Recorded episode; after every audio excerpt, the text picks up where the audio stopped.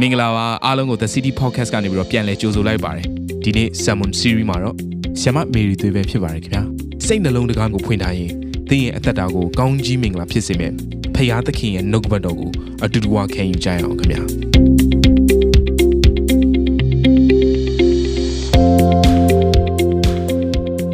မိသားစုတွေအားလုံးမင်္ဂလာပါဒီထဲမှာအခု online ကနေပြီးတော့ဖခင်ကိုကိုးကွယ်တဲ့မိသားစုတွေထဲမှာမကျမ်းမာတဲ့သူရှိမယ်ဆိုရင်ဖခင်ရဲ့ကျမ်းမာခြင်းတကူတော့ကယခုပင်တင့်အပေါ်မှာတက်ရောက်ပါစေမနှက်ဖြန်ကိုကျမတို့မပိုင်ပါဘူးဒါပေမဲ့မနှက်ဖြန်ကိုပိုင်တဲ့ဖခင်ခင်ကကျမတို့တယောက်စီတိုင်းကိုတာဝန်ယူတဲ့ဖခင်သခင်ဖြစ်တယ်ဒါကြောင့်ဒီနေ့နှုတ်ကပတ်တော်ရဲ့ခေါင်းစဉ်ကဖခင်သခင်တာဝန်ယူတယ်ဖခင်သခင်တာဝန်ယူတယ် အခြေပြုကျမ်းလေးကိုခဏလောက်ဖတ်ပြချင်ပါတယ်34ခုမြောက်သောစာလံအငယ်9ကနေ6ထိဖြစ်ပါတယ်ထာဝရဘုရားကိုမျှော်ကြည့်ကြလော့အလင်းကိုရချလိမ့်မည်မျက်နာရှက်ကြောက်ခြင်းနဲ့ကင်းလွတ်ကြလိမ့်မည်အင်းစဲသောသူဤအော်ဟစ်ခြင်းအတန်ကိုထာဝရဘုရားသည်နားထောင်၍ခတ်သိမ်းသောဆင်းရဲထဲကကယ်လွတ်တော်မူ၏ဒီကျမ်းပိုက်လေးကိုကြည့်တဲ့အခါမှာရေးသားတဲ့သူကဒါဝိဒ်ဖြစ်တယ်အဲ့ဒီအချိန်မှာသူရှင်ပြန်မဖြစ်သေးဘူး သူကဘယ်အချိန်မှာဒီကျမ်းပိုက်လေးကိုရေးသားလဲဆိုတော့သူ့ရဲ့ background လေးကိုအနေငယ်ပြောပြချင်တယ်ရှင်ပြန်ရှောလူကသူ့ကိုလိုက်သက်ပြီးတော့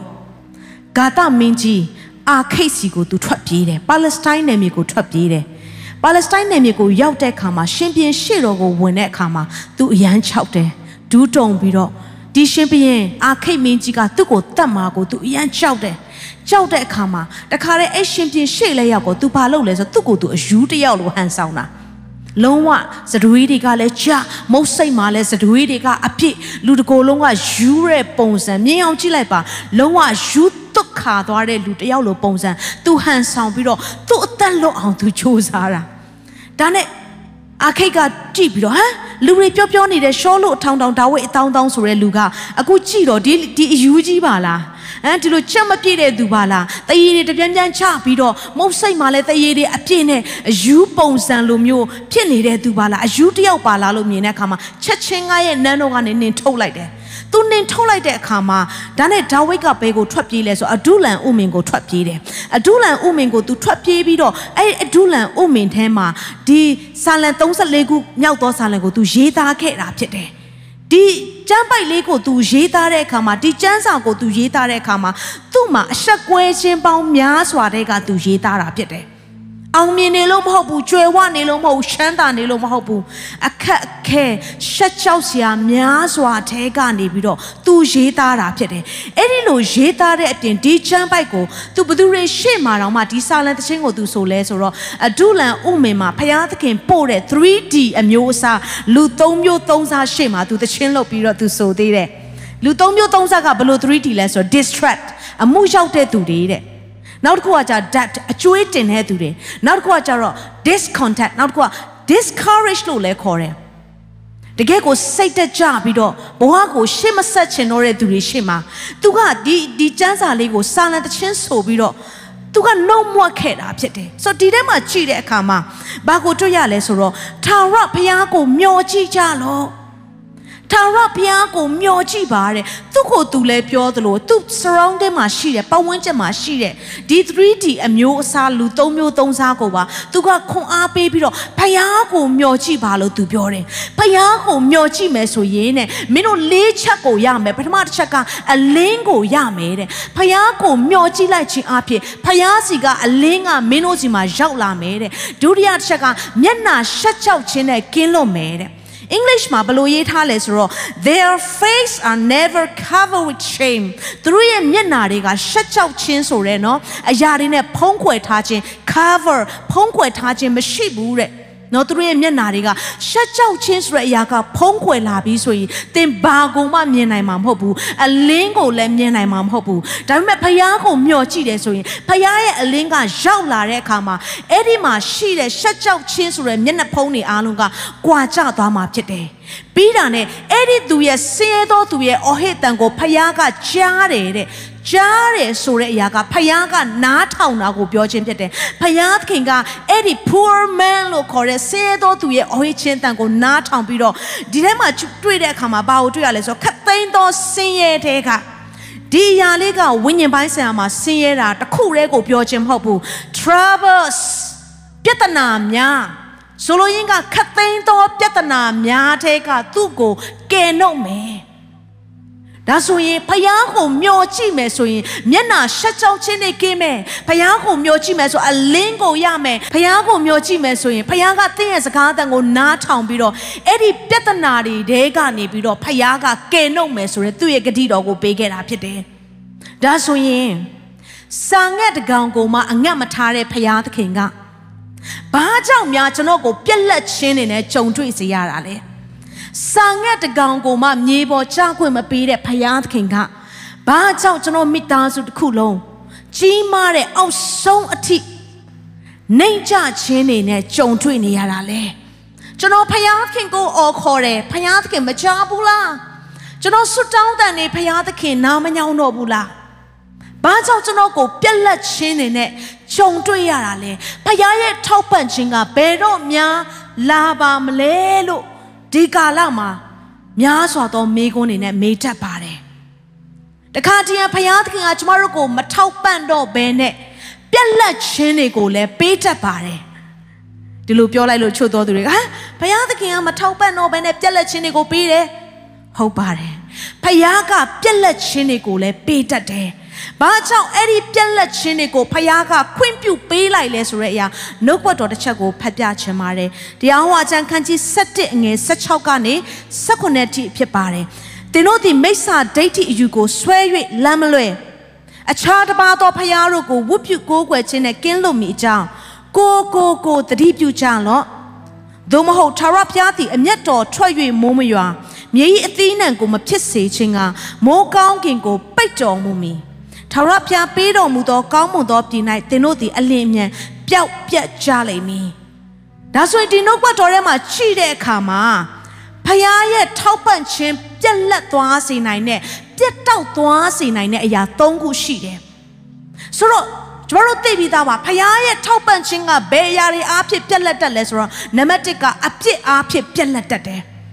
အပြစ် ဆိုတဲ့အရာကဖယားခင်နဲ့ကျမတို့ကြားမှာရှိတဲ့တတိုင်းဖြစ်တဲ့အတွက်ကြောင့်ဖယားကဘလောက်ပဲပေးပေးဖယားကဘလောက်ပဲထောက်ပံ့နေပါစေအဲ့ဒီအပြစ်တတိုင်းကဝင်လာတဲ့အခါမှာပြတ်တောက်ခြင်းကိုဖြစ်စေတယ်တချို့သောသူကဇမရဲ့အပြစ်သေးသေးလေးပဲလုပ်တာပဲဘာကိစ္စရှိမှလဲဒီလောက်ကြီးလဲအရေးကြီးတာမဟုတ်ပါဘူးကျွန်တော်ဒါလေးပဲတွေးလိုက်တာပဲကျွန်မပြောပြစေအပြစ်မှာကြီးတာငယ်တာမရှိဘူးအပြစ်ဆိုတာအပြစ်ပဲဖြစ်တယ် အပြစ်ဆိုတဲ့အရာကဘယ်တော့မှမဆန်းသက်ရမယ့်အရာဖြစ်တယ်။ယေရှုခရစ်တော်ဒီပင်လင်အပြစ်နဲ့ပတ်သက်ပြီးတော့ဆန်းသက်ခြင်းမျိုးမပြုခဲ့ဘူး။ဘာကြောင့်လဲသိလား။ကျွန်တော်တို့ကအပြစ်နဲ့ဆန်းတယ်ဒီလောက်ပဲလို့ထင်နေပေမဲ့ကျွန်တော်ပြောပြစီ။ကြွတ်ထောင်ကြောက်ဒီအမြဲတမ်းကြွတ်ထက်အားကြီးတယ်။ဒါကြောင့်ထောင်ချောက်ကိုလုံးဝမဆမ်းပါနဲ့ကြွတ်ထက်အားကြီးလို့ကြွတ်ထောင်ချောက်လို့ခေါ်တာအပြစ်ဆိုတဲ့အရာကသင်ဆန်းလိုက်တာနဲ့အပြစ်က တင့်ကိုလိုက်စားသွားမှာဖြစ်တယ်။ကင်ဆာဆဲလိုပဲတင့်တကိုယ်လုံးကိုပြန့်နှံ့သွားမှာဖြစ်တယ်။အပြစ်ကဖခင်နဲ့ကျမတို့ရဲ့ချိတ်ဆက်ထားတဲ့ဖခင်ရဲ့ထောက်ပံ့ခြင်းကိုပြက်လက်သွားစေတယ်။နောက်တစ်ချက်ကဘာလဲဆိုတော့ဘယ်ຢာတွေကပြက်လက်သွားစေလဲဆိုတော့အခြားတစ်ပါးသောဖခင်တို့တဲ့ဒီနှုတ်ပတ်တော်ထဲမှာအခြားတစ်ပါးသောဖခင်တို့ကိုဝတ်ပြုကိုးကွယ်ခြင်းဒါဆိုရင်ယုံကြည်သူတွေကကျမက အခြားတစ်ပါးသောဖရားတွေကိုကိုးကွယ်တာမဟုတ်ဘူးကျမကဖရားကိုပဲကိုးကွယ်တာအသက်ရှင်တဲ့ဖရားကိုပဲကိုးကွယ်တာလေသင်ပြောကောင်းပြောလိမ့်မယ်ဒီထဲမှာအခြားတစ်ပါးသောဖရားလောက်ပဲမဟုတ်ဘဲနဲ့ဖရားတို့ any nouns idol ရုပ်တုတွေဖြစ်တယ်နော်ရုပ်တုဆိုတဲ့အရာကကိုးကွယ်ခြင်းလောက်ပဲမဟုတ်ဒီထဲမှာရုပ်တုဆိုတဲ့အရာက person ဒီဟုသောလူပုဂ္ဂိုလ်ဖြစ်ရင်ဖြစ်မယ်ရုပ်တုဆိုတဲ့အရာက place ဒီဟုသောနေရာဖြစ်ရင်ဖြစ်လိမ့်မယ်ရုပ်တုဆိုတဲ့အရာက things လို့ခေါ်တဲ့အရာဝတ္ထုပစ္စည်းတစ်စုံတစ်ရာတစ်စုံတစ်ခုဖြစ်ကောင်းဖြစ်လိမ့်မယ်ဒါပေမဲ့အဲ့ဒီအရာတွေအဲ့ဒီအရာတွေကိုဖျားထက်သင်ကနံပါတ်1နေရာထားလိုက်တယ်ဆိုရင်အဲ့ဒါကသင်ကိုးခွေတဲ့သင်ရဲ့ဖျားဖြစ်သွားပြီ။ အဲ့ဒီလိုမျိုးဖြစ်မယ်ဆိုရင်တဲ့နော်မိုးကောင်းကင်ကိုပိတ်မယ်တဲ့ close heaven ကောင်းကင်ကိုမိုးကောင်းကင်ကိုပိတ်မယ်ဆိုတဲ့အရာကဘာကိုပြောလဲဆိုတော့ကောင်းကြီးစီးစင်းရာအရင်မြင့်အားလုံးကိုငါပိတ်လိုက်မယ်တဲ့တနည်းအားဖြင့်မင်းအခြားသောဖရားတွေကိုကိုးကွယ်တယ်ဆိုရင်အခြားသောဖရားတွေကမင်းကိုထောက်ပံ့ပါစေအခြားသောဖရားတွေကိုမိခိုတယ်ဆိုရင်အဲ့ဒီအခြားသောဖရားတွေကမင်းကိုချွေးမွေးပါစေ အခြားသောဘုရားဒီဟုသောတင့်ရဲ့ခင်မွန်းတယ်အခြားသောဘုရားဒီဟုသောတင့်ရဲ့သားသမီးအခြားသောဘုရားဒီဟုသောတင့်ရဲ့အလုတ်အကင်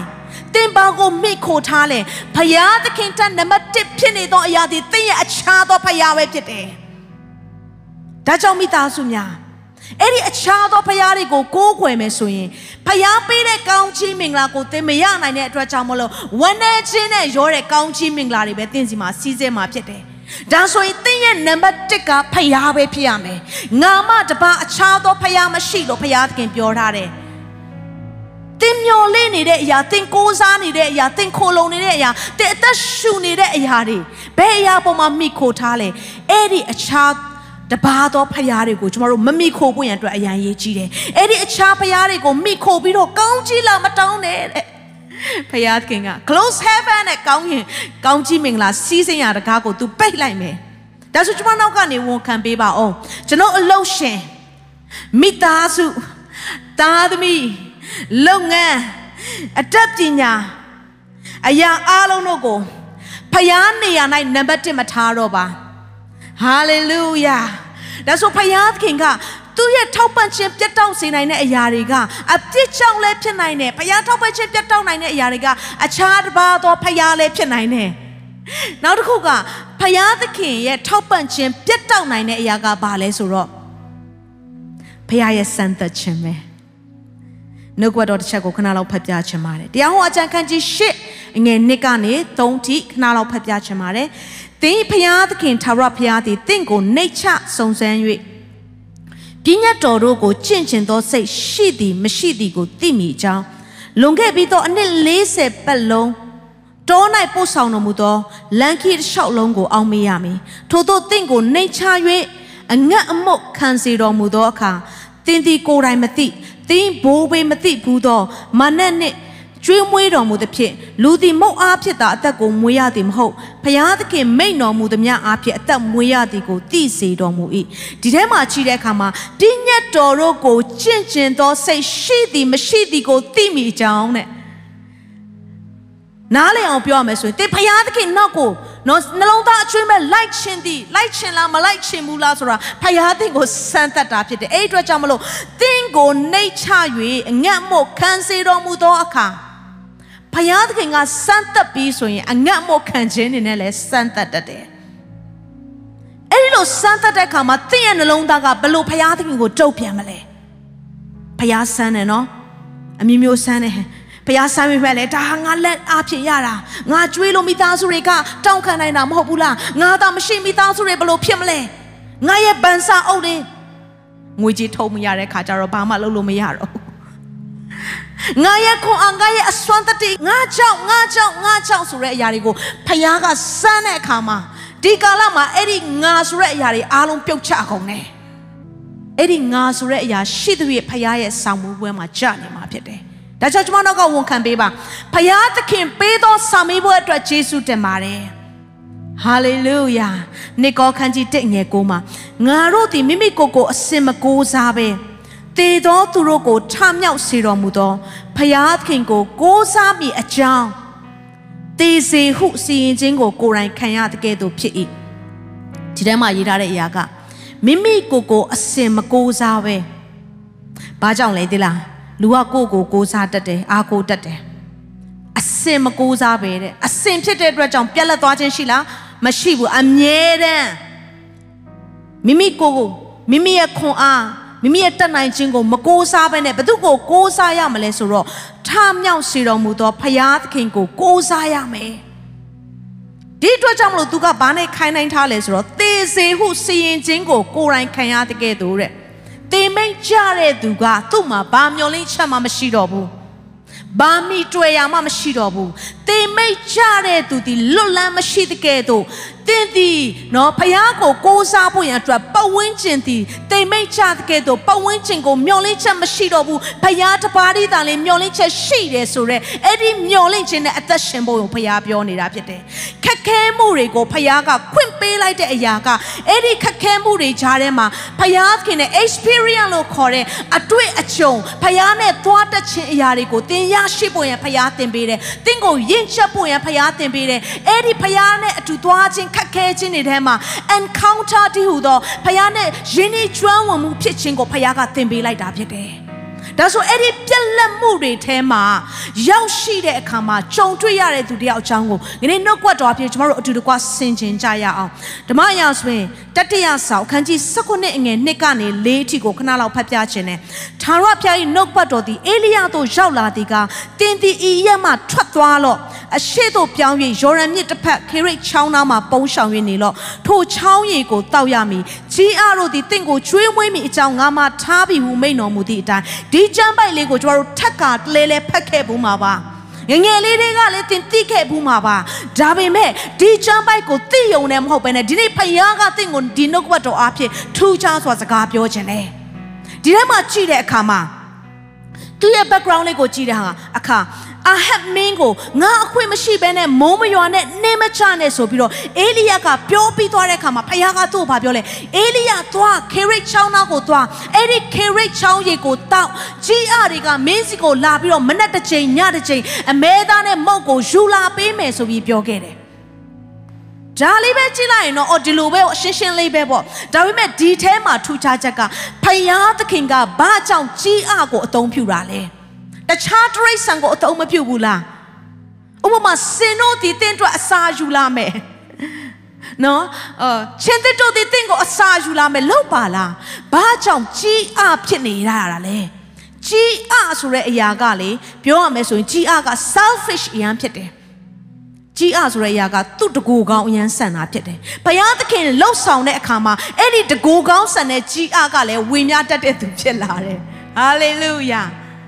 နောက်ကြီးအကိုကြည့်တဲ့အခါမှာဖယားကတခြားသောတရိษံကိုမသုံးမဲနဲ့ကြီးအကိုသုံးတယ်ကြီးအကိုကြည့်တဲ့အခါမှာကြီးအသည်မတန့်ရှင်းသောတရိษံထဲမှာပါတဲ့အမျိုးဖြစ်တယ်ဒါကြောင့်တရားဟောအခန်းကြီး14ငယ်17ကနေ14မှာပါရေးထားလဲဆိုတော့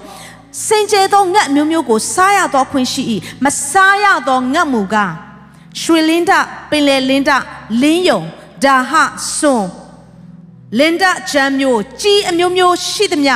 ကြီးမျိုးရှိသမျှအထဲမှာကြီးအလည်းပါတယ်ကြီးနဲ့သက်ဆိုင်တဲ့အားလုံးကတဲ့မတန့်ရှင်းတဲ့အစာဖြစ်တယ်တဲ့အဲ့ဒီမတန့်ရှင်းတဲ့အစာတွေကိုမစားရဘူးလို့ဖခင်ကပြောထားတာဖြစ်တယ်အခုကမတန့်ရှင်းတဲ့အကောင်ကနေနော်အေလိယကိုယူဆောင်လာပြီးကျွေးမွေးมาဖြစ်တယ်ဓမ္မဟောင်းမှာမတန့်ရှင်းတဲ့အရာကိုထိတယ်ဆိုရင်ခုနှစ်ရက်ပတ်လုံးမစင်ကြဲလို့ရေးထားတယ်ဒါပေမဲ့ဖခင်က မတန့်ရှင်းတဲ့ကြီးအတနည်းအားဖြင့် evil လို့ခေါ်တဲ့ဆိုးညစ်တယ်လို့ခေါ်တဲ့ကြီးအကိုအသုံးပြုပြီးတော့အေလိယကိုထောက်ပံ့ကျွေးမွေးဖို့ရန်အတွက်ပြင်ဆင်နိုင်စေတယ်။ဒီယာကကျမတို့ဝိညာဉ်သက်တာမှာဘာပြောဘာပြောလဲဆိုတော့မာနရဲ့လှုပ်ဆောင်ခြင်းမာနရဲ့ချမ်းစီခြင်းမာနတင်ကိုထိုးခြင်းတိုက်ခြင်းနှိပ်စက်ခြင်းသင်အလူလဲခံနေရပါမယ်။အဲ့ဒီမာနရဲ့ပရိရဲ့အားလုံးကို ဖယားကအတုံးပြုတ်ပြီးတော့တင်းရဲ့ဆွတ်တောင်းချက်အဖြေဖြစ်ဖယားပြန်လဲပြီးတော့ပြောင်းပြန်နော်မာနက်ကတင်းကိုတိုက်တဲ့အရာကိုဖယားရဲ့အကြံစီထဲမှာဖယားကပြန်ပြီးတော့တင်းအတွက်ကောင်းကြီးဖြစ်စေနိုင်တယ်။ဒီနေ့မာနက်တင်းကိုထုံးနှက်နေလို့အလူးလဲခံနေရလေလို့ဖယားသခင်မသိတာမဟုတ်ဖယားသခင်သိတယ်။ဒါပေမဲ့အဲ့ဒီအကြံစီအားလုံးကိုဖယားကပြောင်းပြန်လုပ်နိုင်တယ်။ယေရှုခရစ် ယေရှုကိုတတ်ဖို့ရန်အတွက်တည်တည်တည်တဲ့အခါမှာ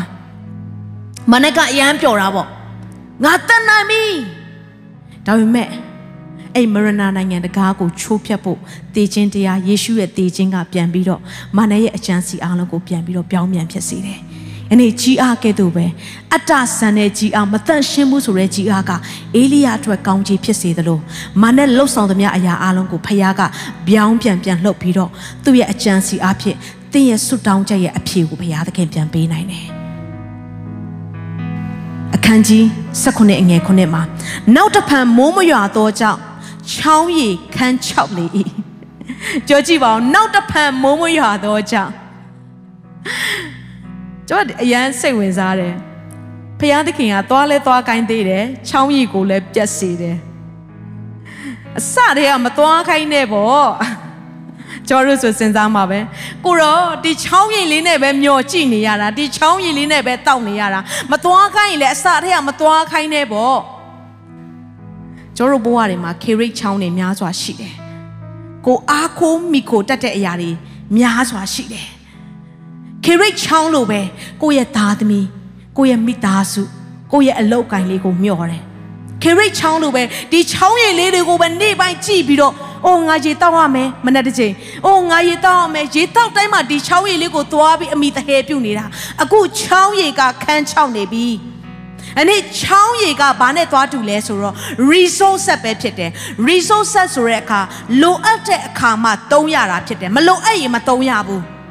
အနေသင်ရဲ့အလောက်ကံကိုဖျားပေးထားတာက resource လောက်ပဲဖြစ်တယ် resource ဆိုတဲ့အရာက source မဟုတ်ဘူးနော် source ဆိုတာအရင်းမြစ်ဖြစ်တယ်အရင်းမြစ်ကဖျားဖြစ်တယ် resource ကသင်လိုအပ်တဲ့အချိန်မှာထောက်ပံ့ပေးတဲ့ယာယီခိုက်တံမဲ့ဖြစ်တယ်ဥပမာကျွန်မကအပြင်သွားမယ်မိုးရွာတယ်ဆိုရင်ကျွန်မဘာလုပ်မလဲထီးယူသွားမှာပေါ့အဲ့ဒီထီးက resource လို့ပဲလိုအပ်တဲ့အခါမှာအသုံးပြုဖို့ပဲဖြစ်တယ်။တခါပြန်ကျွန်တော်တို့ကကိုယ့်ရဲ့အလုပ်ကို source အနေနဲ့သတ်မှတ်ထားတယ်။အရင်အမြစ်လို့ထင်နေတယ်မဟုတ်ဘူး။ source က source ပဲ resource က resource ပဲဘာနဲ့တူလဲဆိုတော့တစ်ပင်တစ်ပင်ရဲ့အမြင့်နဲ့ပင်စီက source ဖြစ်ပြီးတော့အဲ့ဒီအကိုင်းခတ်အဖျားလေးတွေက resource လေးတွေဖြစ်တတ်တယ်ဒါကြောင့်ကျွန်တော်တို့မျှော်ကြည့်ရမယ့်အရာက K rate ချောင်းမဟုတ်ဘူး K rate ချောင်းကိုမျှော်ကြည့်ရင်အဲ့ K rate ချောင်းကခန်းချောက်ခြင်းကိုဖြစ်စေတယ်တင်းရဲ့သားသမီးကိုမျှော်ကြည့်ရင်တင်းသားသမီးတင်းကိုစွန့်ပစ်တဲ့နေရာတင်းဘဝပြတ်တဲ့နေပဲ တချို့သောသူတွေကိုပိုင်ဆိုင်တဲ့အရာလေးကိုမျှော်လင့်တာဒါပေမဲ့အဲ့ဒီအရာတွေကမီးလောင်သွားတယ်သူတို့ကခိုးသွားတဲ့အခါမှာကိုယ့်ကို suicide လုပ်သွားတယ်ယူကျုံမရဖြစ်တဲ့ဘဝတစ်ခုလုံးကိုပျက်စီးသွားစေတယ်ဘာကြောင့်လဲ K rate ချောင်းကိုမျောကြည့်လို့ဖြစ်တယ်ဒါကြောင့်မိသားစုများ K rate ချောင်းတည်ခံချောက်တတ်တယ်အရင်မြင့်ဖြစ်တဲ့ဖယားသခင်ကဘယ်တော့မှမခံချောက်ဘူးဖယားသခင်နေရာမှာကလူရဲ့နေရာမှာနဲ့လုံးဝမတူဘူးလူကအဲ့ဒီချောင်းကိုကြည့်ရင်အဲ့ဒီချောင်းမှာပဲအသက်ရှင်ခြင်းတယ်ဒါပေမဲ့ဖယားသခင်က အရင်မြင့်ဖြစ်တဲ့ငါနဲ့ချိတ်ဆက်မယ်ဆိုရင်မင်းကဘယ်တော့မှခံချောက်ခြင်းမရှိဘူးအသက်ရည်ထွက်ရာစမ်းရည်တွင်ဖြစ်လိမ့်မယ်ဖယားနဲ့ချိတ်ဆက်တဲ့သူကလုံးဝပြက်လက်ခြင်းမရှိဘူးအခုကေရစ်ကျောင်းကပြက်လက်သွားတယ်နေကျမတို့ဘဝအသက်တာထဲမှာဒါလေးကိုမျှော်ကြည့်ပေမဲ့ဖယားရဲ့အကြံစီကဒါလောက်ပဲဖယားကသွားစေချင်တာမဟုတ်ဘူးအဆုံးအထိဖယားကသူ့ကိုမျှော်ကြည့်စေချင်တာဖြစ်တယ် လူရဲ့ထောက်ပံ့ခြင်းနီလန်းကပုံတင်ရှိပေမဲ့ဘုရားရဲ့ထောက်ပံ့ခြင်းနီလန်းကနီလန်းပေါင်းစုံနဲ့ရှိရခေရိတ်ချောင်းမရှိဘူးလားရတယ်တခြားနီလန်းနဲ့ငါပို့ဆောင်နိုင်တယ်ဒါကြောင့်ဘုရားကငါရဲ့အကြံစီကသင်တို့ရဲ့အကြံစီနဲ့မတူငါရဲ့အကျင့်ကသင်တို့ရဲ့အကျင့်နဲ့မတူလို့ဘုရားသခင်ပြောတာဖြစ်တယ်လူရဲ့အကြံစီကတစ်ပေါင်းတစ်ဆိုနှစ်လာမှာဖြစ်တယ်ဒါပေမဲ့ဘုရားသခင်မှာကြတော့တစ်နဲ့တစ်နဲ့ပေါင်းတာဗာပြန်ရလဲတစ်တန်ရတယ်လူယောက်ျားနဲ့လူမိန်းမပေါင်းလိုက်တော့တစ်တန်ရတယ် တော့ဖခင်အကြံစီကနီလန်းပေါင်းဆိုအများကြီးပဲတင့်မြမြချင်းတထောင်ဆိုပြီးတော့လည်းဖခင်လုံနိုင်တယ်သူငယ်တယောက်ကတဲ့တထောင်လိုပဲရန်သူတထောင်ကိုပြေးစေတယ်လူနှစ်ယောက်ကပေါင်းဆက်လိုက်တဲ့အခါမှာလူတစ်တောင်းကိုပြေးစေတယ်ရန်သူတစ်တောင်းကိုပြေးစေတယ်ဖခင်ရဲ့နေရမနဲ့သင်ကသွားတွက်ချက်လို့မရဘူးဒီအလုပ်လေးကိုဖခင်ကငါ့ကိုပေးခဲ့တယ်ဖခင်ဘာကြောင့်ဖခင်ကဒီအလုပ်ကိုပြန်ယူသွားတာလဲဖခင်ကဒီအလုပ်ကိုစားတဲ့ကမပေးနဲ့ပေါ့သင်စိတ်ကောက်ကောင်းစိတ်ကောက်လိုက်မယ်ဒါပေမဲ့ဖခင်ကအဲ့ဒီထက်ကောင်းတဲ့အလုပ်ကိုသင်အတွက်ပြင်ဆင်ထားတယ် အဲ့ဒါကဖခင်ရဲ့အကြံစီဖြစ်တယ်ခေရိတ်ချောင်းကိုမမျောကြည့်နဲ့ခေရိတ်ချောင်းကိုမျက်စိမကြနဲ့ခေရိတ်ချောင်းမှာပဲတင့်နှလုံးသားမရောက်စေနဲ့ခေရိတ်ချောင်းချက်ကောင်းတဲ့နေရာကိုဖခင်သခင်တင့်ကိုပို့ဆောင်ခြင်းနဲ့ဟာလေလုယာဒါကြောင့်ကျွန်တော်တို့ဘဝမှာ source နဲ့ resource ကိုခွဲခြားတတ်ရမယ် resource တွေကလိုအပ်တဲ့အချိန်အတွက်လောက်ပဲတင့်ကိုထောက်ပံ့ထားတာ source ဒီဟူသောဖရာသခင်ကတော့ သင်ချိတ်ဆက်ထားမယ်ဆိုထာဝရအတိုင်းသင်ကိုကောင်းချီးပေးမယ်ဖရာဖြစ်တယ်။အငယ်ရှစ်ကနေကိုမှ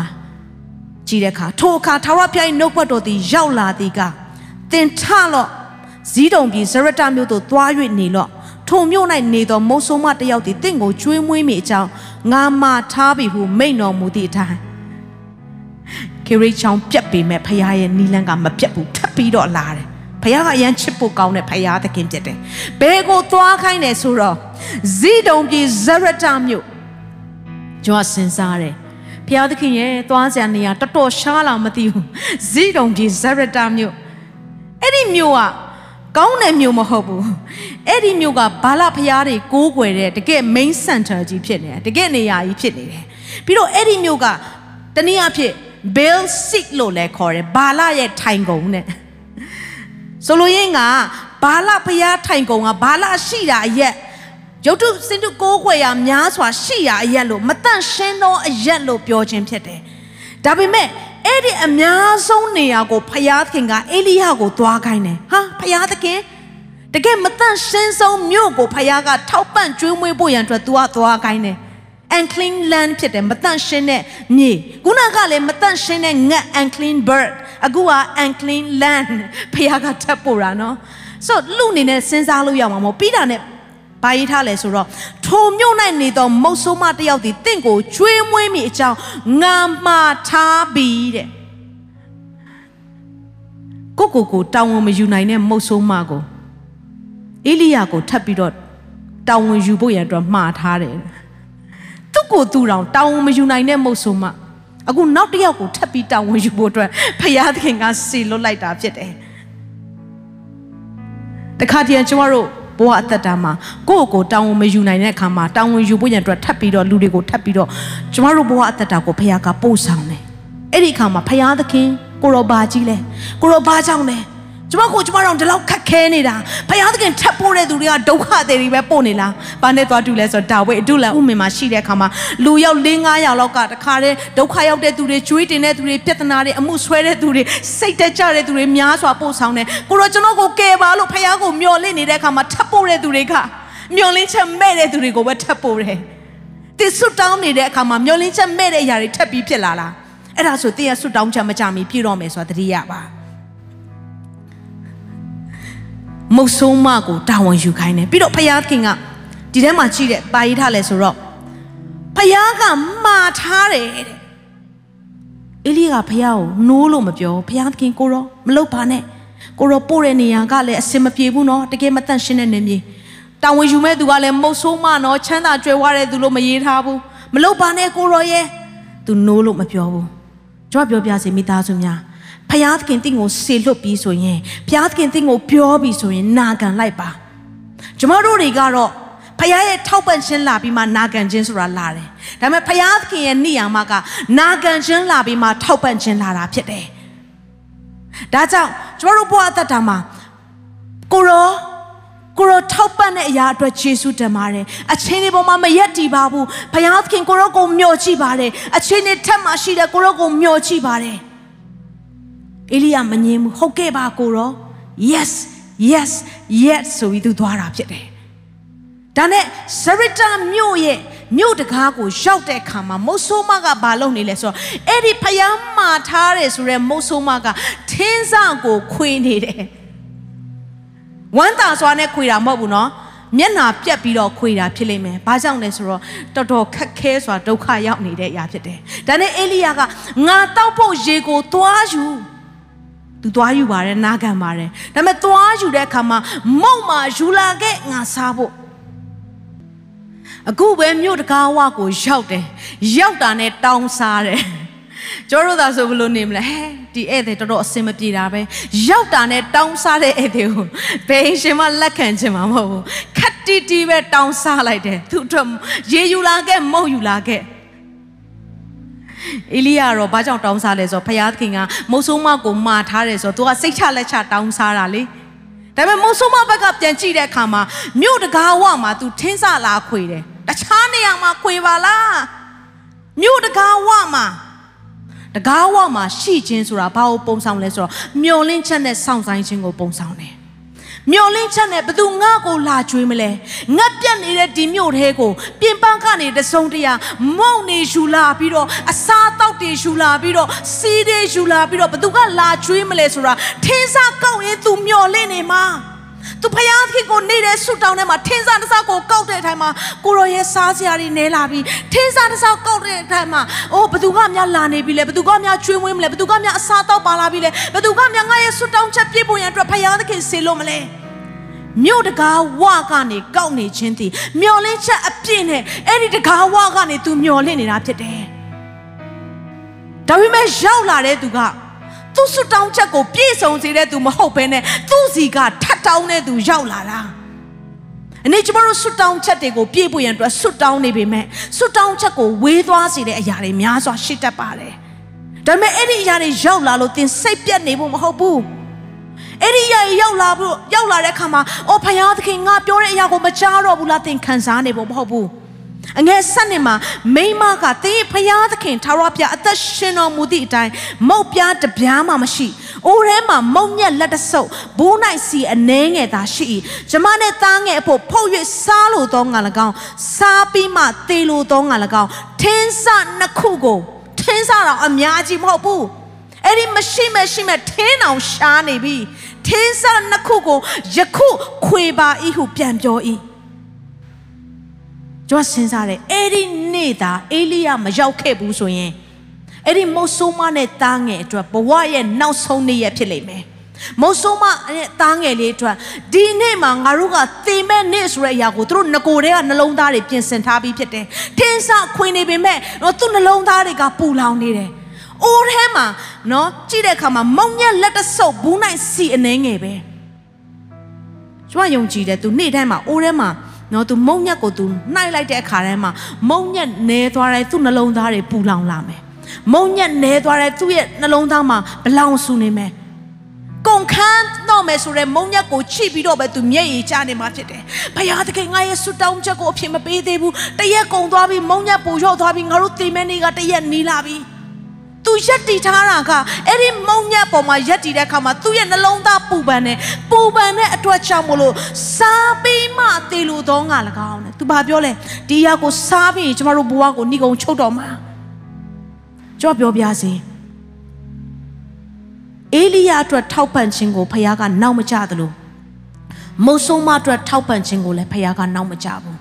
အဲ့ဒီနောက်ဆုံးနေ့ဆိုတဲ့အရာကို မုတ်ဆိုးမတယောက်တည်းသိတာမဟုတ်ဘူးဖခင်သခင်မှသိတယ်အဲ့ဒီနောက်ဆုံးနေ့ဆိုတဲ့အရာကဖခင်သခင်ကနော်ငါကဘယ်တော့မှနောက်မကြတဲ့ဖခင်ဖြစ်တယ်ဖခင်ရဲ့အကြံစီကဘယ်တော့မှမစောလုံးတယ်လို့ဘယ်တော့မှနောက်မကြတဲ့ဖခင်ဖြစ်တယ်။အဲ့ဒီနောက်ဆုံးနေ့ဆိုတာသိရတဲ့အတွက်ကြောင့်မလို့အေလိယကိုကြိုးတင်မသွားခိုင်းမဲ့နဲ့ခေရိတ်ချောင်းမှာဖခင်ကခဏတာနေပါအောင်အဲ့ဒီမို့ဆိုးမှာနောက်ဆုံးနေ့ဆိုတဲ့အရာကိုနမိတ်လက္ခဏာပြုတ်ဖို့အတွက်အဲ့ဒီခေရိတ်ချောင်းသားမှာခဏလောက်နေပါအောင်။ဟာလေလုယာ။ ဖခင်သခင်အရန်ကောင်းမြတ်တယ်။လူအနေနဲ့တော့အရန်ပူပန်နေမယ်ဒါပေမဲ့မို့ဆိုးမကဘာလုပ်လဲဆိုတော့အဲ့ဒီမရှိမဲ့ရှိမဲ့အရာလေးကိုအေလိယပြောတဲ့အတိုင်းပဲသူနာခံတယ်ကျွန်တော်တို့လူအနေနဲ့ဆိုရင်လူကနဲလာပြီးဆိုရင်စိတ်ကပူပန်လာတယ်အများကြီးကိုပေးရပေးတတ်ပေမဲ့နည်းနည်းလေးဖြစ်လာရင်မပေးချင်တော့ဘူးเนาะယော့လာပြီးဆိုမပေးချင်တော့ဘူး ပတ်စံများကြီးရှိရင်လူတွေကိုပေးလို့ရတာပေါ့ဒါပေမဲ့ပတ်စံနဲသွားပြီတင်စားဖို့တော့မရှိတော့ဘူးဆိုရင်တင်ဘလို့ပေးရမလဲတကြက်ချင်းစီခွာနေမှာနော်တရွက်ချင်းစီခွာနေမှာဒါပေမဲ့အဲ့ဒီအရာကိုဖရာသခင်ကစမ်းသက်တယ်မဟုတ်ဆုံးမမင်းမမရှိတော့ဘူးဒါပေမဲ့အဲ့ဒီပေးရတဲ့နှလုံးသားမင်းမှာရှိလားမင်းအသက်အတွက်အသက်ရှင်ဖို့အတွက်မင်းစားမဲ့နောက်ဆုံးအရာလေးကိုမင်းပေးရလား ဖယားသခင်ဘာလုပ်တာလဲမဟုတ်ဆုံးမရဲ့နှလုံးသားကိုစမ်းတတ်နေတာဖြစ်တယ်လူကတော့5 cents ကိုနော်အာယုံခံစားမှု၅ပါးကိုအရန်တန်မိုးထားတယ်အချားအမြင်အနက်အရတာအထီတွေ့ကြားမှမြင်မှကိုကိုယ်တိုင်မမြင်မယုံဘူးကိုကိုယ်တိုင်ထိတွေ့မှကိုကိုယ်တိုင်ခံစားမှလူကယုံတတ်ပေမဲ့အဲ့ဒီဘာမှမရှိခြင်းတဲ့ကနေပြီးတော့မောက်ဆိုးမှတင်တကယ်ယုံနိုင်လားဖရာသခင်ကို အိုးထဲမှာနိုင်တဲ့အခါမှာမြင်နေတဲ့အရာကမုံညက်ကိုမြင်လားလက်ဟာနေတဲ့လေဟာနဲ့မှာပြည့်နေတယ်ဆိုတဲ့အရာကိုမြင်လားအနေကျမတို့ဖယားနမိတ်လက္ခဏာပြုကျင်ပြီးဆိုရင်တင့်လက်ထဲမှာရှိတဲ့အရာကိုအရင်လွတ်ချရတယ်။တင့်လက်ထဲမှာရှိတဲ့အရာကိုမလွတ်ချဘူးဆိုရင်ဖယားတင့်ကိုထပ်ပေးလို့မရဘူး။ဒါကြောင့်တင့်လက်ထဲမှာစုပ်ကင်ထားတဲ့အရာတွေဖယားသခင် နည်းနည်းလေးပဲရှိပါတယ်ဒါပေမဲ့ကိုရော့ကိုပေးဖို့ရအတွက်နှလုံးသားအပြည့်ရှိပါတယ်အဲ့ဒီနှလုံးသားမျိုးကိုဖယားကရှာနေတာဖြစ်တယ်မုတ်ဆိုးမကသူ့လက်ထဲမှာစုပ်ကင်ထားရင်တရက်စာပဲဖြစ်ပေမဲ့ဖယားတောင်းတဲ့အခါမှာ तू ပေးရတဲ့နှလုံးသားရှိတဲ့အခါမှာ तू အဲ့ဒီတိုင်းနာခံတဲ့အခါမှာအငယ်15မှာထိုမုတ်ဆိုးမသည်သွား၍အေလိယစကားအတိုင်းပြုတ်သဖြင့်အေလိယနှင့်တကွကိုယ်တိုင်မှဆ၍အိမ်သားတို့သည်အင်တန်ကာလပတ်လုံးစားရကြ၏အင်တန်ကာလပတ်လုံး အင်တန်ကာလပတ်လုံးဆိုတာတရက်မဟုတ်ဘူးနှစ်ရက်မဟုတ်ဘူးအဲ့ဒီမြို့မှာဇရတာမြို့မှာအစာခေါင်းပါတဲ့ကာလတစ်လျှောက်လုံးကိုအင်တန်ကာလပတ်လုံးပြောခြင်းဖြစ်တယ်ကျွန်မယုံကြည်တယ်မုတ်ဆိုးမကသူနဲ့သူ့မိသားစုပဲအငတ်မငတ်မချင်းခေါင်းပါချင်းဘေးကနေပြီးတော့အစာဟာရပြန်ရှိပြီးသူစားရတာမဟုတ်တော့ဘူးသူ့ရဲ့အိမ်ဘေးနားမှာရှိတဲ့သူတွေသူစားနေတယ် သူမီးမွေးပြီးချက်ပြုတ်နေတယ်သူပြင်ဆင်တဲ့အရာတွေကိုသိတဲ့သူကလာပြီးတော့သူစီလာမှာပဲအိမ်နီးချင်းဆိုမလာပဲမနေဘူးနော်တဲ့အိမ်မှာတော့တင်တစ်ခုချိန်ဘေးအိမ်ကလာတက်သေးတယ်နော်အနံ့ရရင်ဆိုအိမ်နီးချင်းဆိုတော့လာမှာပဲလာတဲ့အခါမှာမိုးဆိုးမရဲ့ရရှိတဲ့ကောင်းခြင်းမင်္ဂလာကအခြားသောသူတွေပါပြန်ပြီးတော့စီးစင်းစေတယ်။ဘာကြောင့်လဲ။ဖျားစမ်းတက်တဲ့အခါမှာမုတ်ဆိုးမရဲ့နှလုံးသားက ယုံကြည်ခြင်းအပြည့်နဲ့သူလှုပ်ဆောင်ရဲတယ်။မုတ်ဆိုးမရဲ့နှလုံးသားက resource set ပေါ်မှာမအားကိုဘဲနဲ့မုံညက်လက်တဆုပ်စာဖြစ်တဲ့ resource set ပေါ်မှာမအားကိုဘဲနဲ့ source တည်းဟူသောဖျားအပေါ်မှာမိခိုတဲ့အခါမှာဖျားရဲ့အရင်မြစ်ကဘယ်တော့မှမပြတ်တောက်ဘဲနဲ့အစဉ်မြဲရှိနေတယ်။ဒီဖြစ်ရလေးကမုတ်ဆိုးမအတွက်တသက်မှာလုံးဝမမေ့နိုင်စရာဖြစ်ရလေးပဲသူဘဝမှာရွှေငွေနဲ့ပေးဝယ်လို့မရတဲ့ ကြီးမားတဲ့အမရစရာပဲနောက်တစ်ခါမုတ်ဆိုးမသာပြက်လက်မှုကိုကြုံကြည့်ပါလားသူ့အထက်မှာဖယားသခင်လှုပ်ဆောင်နိုင်နေဒီငတ်မှုချင်းခေါင်းပါချင်းကနေဖယားကယ်နိုင်တယ်ဆိုတဲ့အရာကိုသူတက်သေးကသူ့ကိုပြန်ပြီးတော့ remind ဖြစ်နေမယ်အမက်ရစေမှာဖြစ်တယ် ဒါကြောင့်မိသားစုများတင်ပြက်လက်မှုကိုခြုံသွားတဲ့အခါမှာအဲ့ဒီပြက်လက်ခြင်းထဲမှာဘုရားသခင်တင့်ကိုသင်ပေးတယ်ဆိုတဲ့အရာကိုမြင်တတ်ဖို့အရေးကြီးတယ်။ပြက်လက်မှုတွေခြုံတဲ့အခါမှာခေရိတ်ချောင်းကိုမကြည့်နဲ့ခေရိတ်ချောင်းကိုမမျောနဲ့ခေရိတ်ချောင်းမှာတင်မျက်စိသွားမရောက်စေနဲ့တင်မျက်စိရောက်ရမယ့်ရာကအောက်အရာတွေမဟုတ်ဘူးအထက်ကိုမျောချိပြီးတော့ source ဒီဟူသောဘုရားကိုမျောချိဖို့ရန်အတွက်ဖြစ်တယ်။အဲ့ဒီခက်ခဲခြင်းတွေထဲမှာ မတန့်ရှင်းတဲ့ကြီးအားကိုတော့မှဖခင်အသုံးပြုနိုင်တယ်ဆိုရင်မနေ့ရဲ့ပြည့်ရဲ့အားလုံးကိုဖခင်ကတင်းအတွက်ကောင်းကြီးဖြစ်ပြန်နေပြီးတော့ပြောင်းပြန်လှုပ်စေနိုင်တယ်။ဒါကြောင့်မိသားစုများဒီနေ့အချိန်နေဆိုးတဲ့ Badland ဒီအေလိယကြုံတွေ့ရဇရတာမြို့ရဲ့အချိန်နေဆိုးတဲ့အရာတွေမှာကြုံတွေ့နေရပါမယ်။နေ့ကျမတို့မြမပြည်မှာလည်းအချိန်နေခတ်သိမ်းရာကခက်ခဲတဲ့ဆိုးသွမ်းတဲ့ မျောလင်းချက်ဘလို့လာမလဲငါဘဝရဲ့အဆုံးကိုရောက်နေသလိုပဲငါဘလို့အသက်ရှင်ရမလဲအနာဂတ်ကဘာမှလဲငါမှမျောလင်းချက်မရှိတော့ဘူးဆိုရဲဇရတာမြို့လိုပဲအခြေအနေဆိုးတဲ့နေရာမှာတင်ရှိကောင်းရှိနေပေမဲ့လည်းအဲ့ဒီအခြေအနေတွေကနေမုတ်ဆိုးမနဲ့တားငယ်လေးကိုဖခင်ကတောင်းဝင်ယူတဲ့ကဲ့သို့တင်းရဲ့ဘဝအသက်တာမှာလည်းဖခင်သခင်တောင်းဝင်ယူခြင်းတယ်ကိုမှုကိုထာဝရဘုရားနဲ့အဲ့လောကိုရောကိုကိုးစားလို့တို့ပြုလင်စင်ရင်တော်မူမီ ဖះကိုအပ်ပြီးတော့ဖះကိုမျှော်ချပြီးတော့ကိုရောတောင်းဝင်ယူတော့ဖះကျွန်တော်ရဲ့ဘဝမှာကိုရိတ်တောင်းဝင်ယူခြင်းကိုလက်ခံကြိုဆိုပါတယ်ကျွန်တော်ရဲ့ခွန်အားကျွန်တော်မအားကိုပါဘူးကျွန်တော်ရဲ့အသိဉာဏ်ကျွန်တော်မအားကိုပါဘူး ထိုအရာတွေအားလုံးအထက်မှာကိုရောကိုနေရာပေးပါတယ်အဲ့ဒီအရာတွေအားလုံးအထက်မှာကိုရောပဲပထမနေရာယူပါတည်တံချတဲ့ခံရတဲ့လူပဲလူလိုပဲပတ်ဝန်းကျင်ကိုကျွန်တော်မအားကိုပဲနဲ့ကျွန်တော်မျောလင့်စရာကပတ်ဝန်းကျင်မှာအားလုံးက shut down ဖြစ်သွားပြီကိုရောကျွန်တော်မျောလင့်ချက်ကကိုရောပဲဖြစ်တယ်ဆိုတဲ့အရာကိုကိုရောကိုပဲမျောကြည့်ပါတယ်ဆိုပြီးကျွန်တော်နှလုံးသားများကိုဖွင့်ထားကြရအောင် hallelujah ယေရမိခန်းကြီး19ငယ်9ကနေ10မှာထာဝရဘုရားကိုကိုးစားတော်သူ ထာဝရဘုရားကိုမိမိကိုးစားစရာအကြောင်းဖြစ်စေတော်သူသည်ကောင်းကြီးမင်္ဂလာကိုခံအပ်တော်သူဖြစ်၏ထိုသူသည်ကယေရှိသောအရ၌ဆိုက်၍မျက်နားမှာအမြင့်ဖြာသည်ဖြင့်ပူသောအရှင်ရောက်ကြောင်းကိုမသိအရွက်မညှိုးနွမ်းမိုးခေါင်သောကာလ၌ဆိုရင်စရာမရှိဘဲအစင်အမြဲအသီးကိုတီးတက်သောအပင်နဲ့တွေ့ပူတဲ့အရှင်ကရောက်လာဆိုတော့ရောက်ပါတယ်ပူတဲ့အရှင်ရှိလားဆိုတော့ရှိပါတယ်ပူတဲ့အရှင်လိုပဲ အခုပတ်ဝန်းကျင်မှာကြုံတွေ့နေရတယ်မြင်တဲ့အရာတွေကအဲ့ဒါတင့်ကိုပူလောင်ခြင်းကိုပေးတဲ့အရာတွေလေပူတဲ့အချိန်ရှိလားရှိတယ်အချင်းတွေကပူလောင်နေတယ်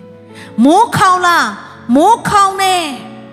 မိုးခေါင်ခြင်းကငမုတ်ခေါင်ပါရှားပါခြင်းမိုးခေါင်လားခေါင်နေဒါပေမဲ့ဘုရားကိုကိုးစားတဲ့သူရဲ့အသက်တာမှာ စိုးရိမ်စရာမရှိပဲပြောကြည့်ပါဦးစိုးရိမ်စရာမရှိပဲဖယားကိုမျှော်ချီတဲ့သူဖယားကိုကိုးစားတဲ့သူရဲ့အသက်တာမှာစိုးရိမ်စရာမရှိပဲအစင်အမြဲအသီးကိုတည်တတ်တယ်မုတ်ဆိုးမကပူတဲ့အရှင်ရှိတယ်ငမို့ခေါင်းမခြင်းတွေရှိတယ်သို့တော်ညာလည်းပဲ source ဒီဟူသောဖယားနဲ့ချိတ်ဆက်တဲ့အခါမှာစိုးရိမ်စရာမရှိပဲ အင်တန်ကာလပတ်လုံးမှာဖယားကျွေးမွေးထားတယ်နေ့တင်စိုးရိမ်နေရလားဖယားသခင်ကငါနဲ့ချိတ်ဆက်ပါချိတ်ဆက်လိုက်ပြတ်တောက်လိုက်ပြန်ချိတ်လိုက်ပြန်ပြတ်တောက်လိုက်မဟုတ်ဘူး source တွေမှာတင်ချိတ်ထဲဆိုရင်အဲ source တွေအားလုံးကိုခဏပြန်ဖြုတ်ဖြုတ်တော့ဖြုတ်တော့အရင်မြစ်တည်ဟုသောအမြင့်တည်ဟုသောပင်စီတည်ဟုသောဖယားနဲ့ချိတ်ဆက်ပါ resources ဆိုတဲ့အရာကလိုအပ်တဲ့အခါပဲသုံးရတာဖြစ်တဲ့အတွက်ကြောင့်အရင်မြင့်ဖြစ်တဲ့ဖယားနဲ့ချိတ်မှသာလေအင်တန်ကာလာပလုံးကောင်းချီးမင်္ဂလာတသက်တာလုံးကောင်းချီးမင်္ဂလာကိုခံစားရမှာဖြစ်တယ်ဟာလေလုယာဒုက္ခရောက်တဲ့အခါမှာကုမပေးတဲ့ဖယားသခင်ကိုရောကလွယ်ပြီးအခြားဖယားမရှိပါဘူးဒီရှင်မှာကျမတို့နှလုံးသားများပေါ်မှာလက်ကိုတင်ပြီးကိုရောကျွန်တော်ရဲ့စိုးရိမ်ခြင်းပူပန်ခြင်း ဝန်ထုတ်တဲ့အားလုံးကိုကိုရောစီကိုအနံ့ပါတယ်ဒီစိုးရင်ခြင်းတွေကိုယူပြစ်တော်မူပါအကိုင်းခတ်တင်နေပဲကျွန်တော်ကသွားချိတ်ဆက်ပြီးတော့အရင်မြစ်ဒီဟုသောကိုရောနဲ့မချိတ်ဆက်ခဲ့မိသောနေ့ရက်များစွာတော့ဝန်ချတောင်းပန်ပါတယ် resource တွေကိုပဲအားကိုးပြီးတော့ source ဒီဟုသောအရင်မြစ်ကိုမေ့လျော့ခဲ့မိသောအတ္တများအတွက်တောင်းပန်ပါတယ်ကိုရောမုတ်ဆိုးမကိုခဲရင်တဲ့ကာလမှာကိုရောကချွေးမွေးတဲ့ကဲ့သို့ယနေ့ ကိုရောကတာဝန်ယူပြီးတော့ဖယားသခင်ဖြစ်တယ်ဆိုတာနေကျွန်တော်နှလုံးသားထဲကနေလက်ခံကြိုးဆိုပါတယ်ဒီနှလုံးသားမှာကိုရောအုပ်ဆိုးတော်မူပါပူတဲ့အချိန်တွေရှိပေမဲ့မိုးခေါင်တဲ့အရာတွေကိုခြုံပေမဲ့ဒီအရာတွေကကျွန်တော်နဲ့မသက်ဆိုင်ဘူးကျွန်တော်နဲ့သက်ဆိုင်တဲ့အရင်မြစ်ကကိုရောပဲဖြစ်တယ်ကိုရောဟာလေလုယာဖယားစီကိုမျှော်ကြည့်ရအောင်ဒီချိန်မှာဖယားစီကိုမျှော်ကြည့်ရအောင် နှုတ်ကပတ်တော်ကိုသင်ကြားရုံပဲမဟုတ်ဘဲနဲ့အဲ့ဒီနှုတ်ကပတ်တော်ကတည့်ရဲ့အထဲမှာအသက်ရှင်လာတဲ့အခါမှာအသက်ဖြစ်လာတဲ့အခါမှာပူတဲ့အချိန်ကိုသင်မသိတော့ဘူးမိုးခေါင်နေပေမဲ့ဒီຢာတွေကသင်နဲ့မသက်ဆိုင်တဲ့ຢာတွေကိုသင်မြင်တွေ့လာနိုင်မယ်ဟာလေလုယာကိုရောမတပါမရှိ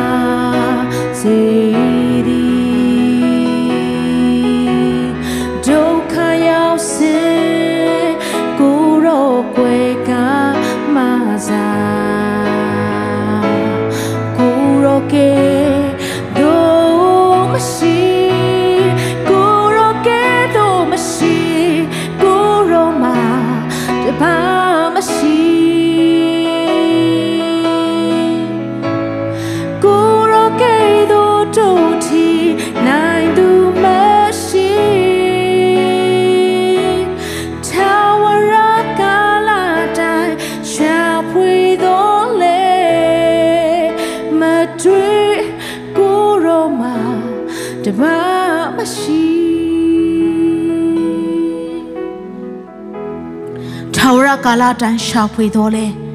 ကိုယ်တော်ကဲသို့တော်သူမရှိပါဘူးအနေသားမလို့ကိုတာဝန်ယူနိုင်တဲ့သူတွေကအခိုက်အတန့်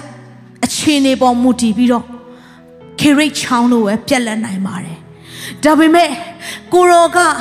အရင်နှစ်ဒီဟုသောကိုရောနဲ့ချိတ်ဆက်ခြင်းကထာဝရတိုင်းပြက်လက်သွားခြင်းမရှိဘဲနဲ့မနေ့ယနေ့နောက်ကာလအထိတာဝန်ယူပေးသောဖခင်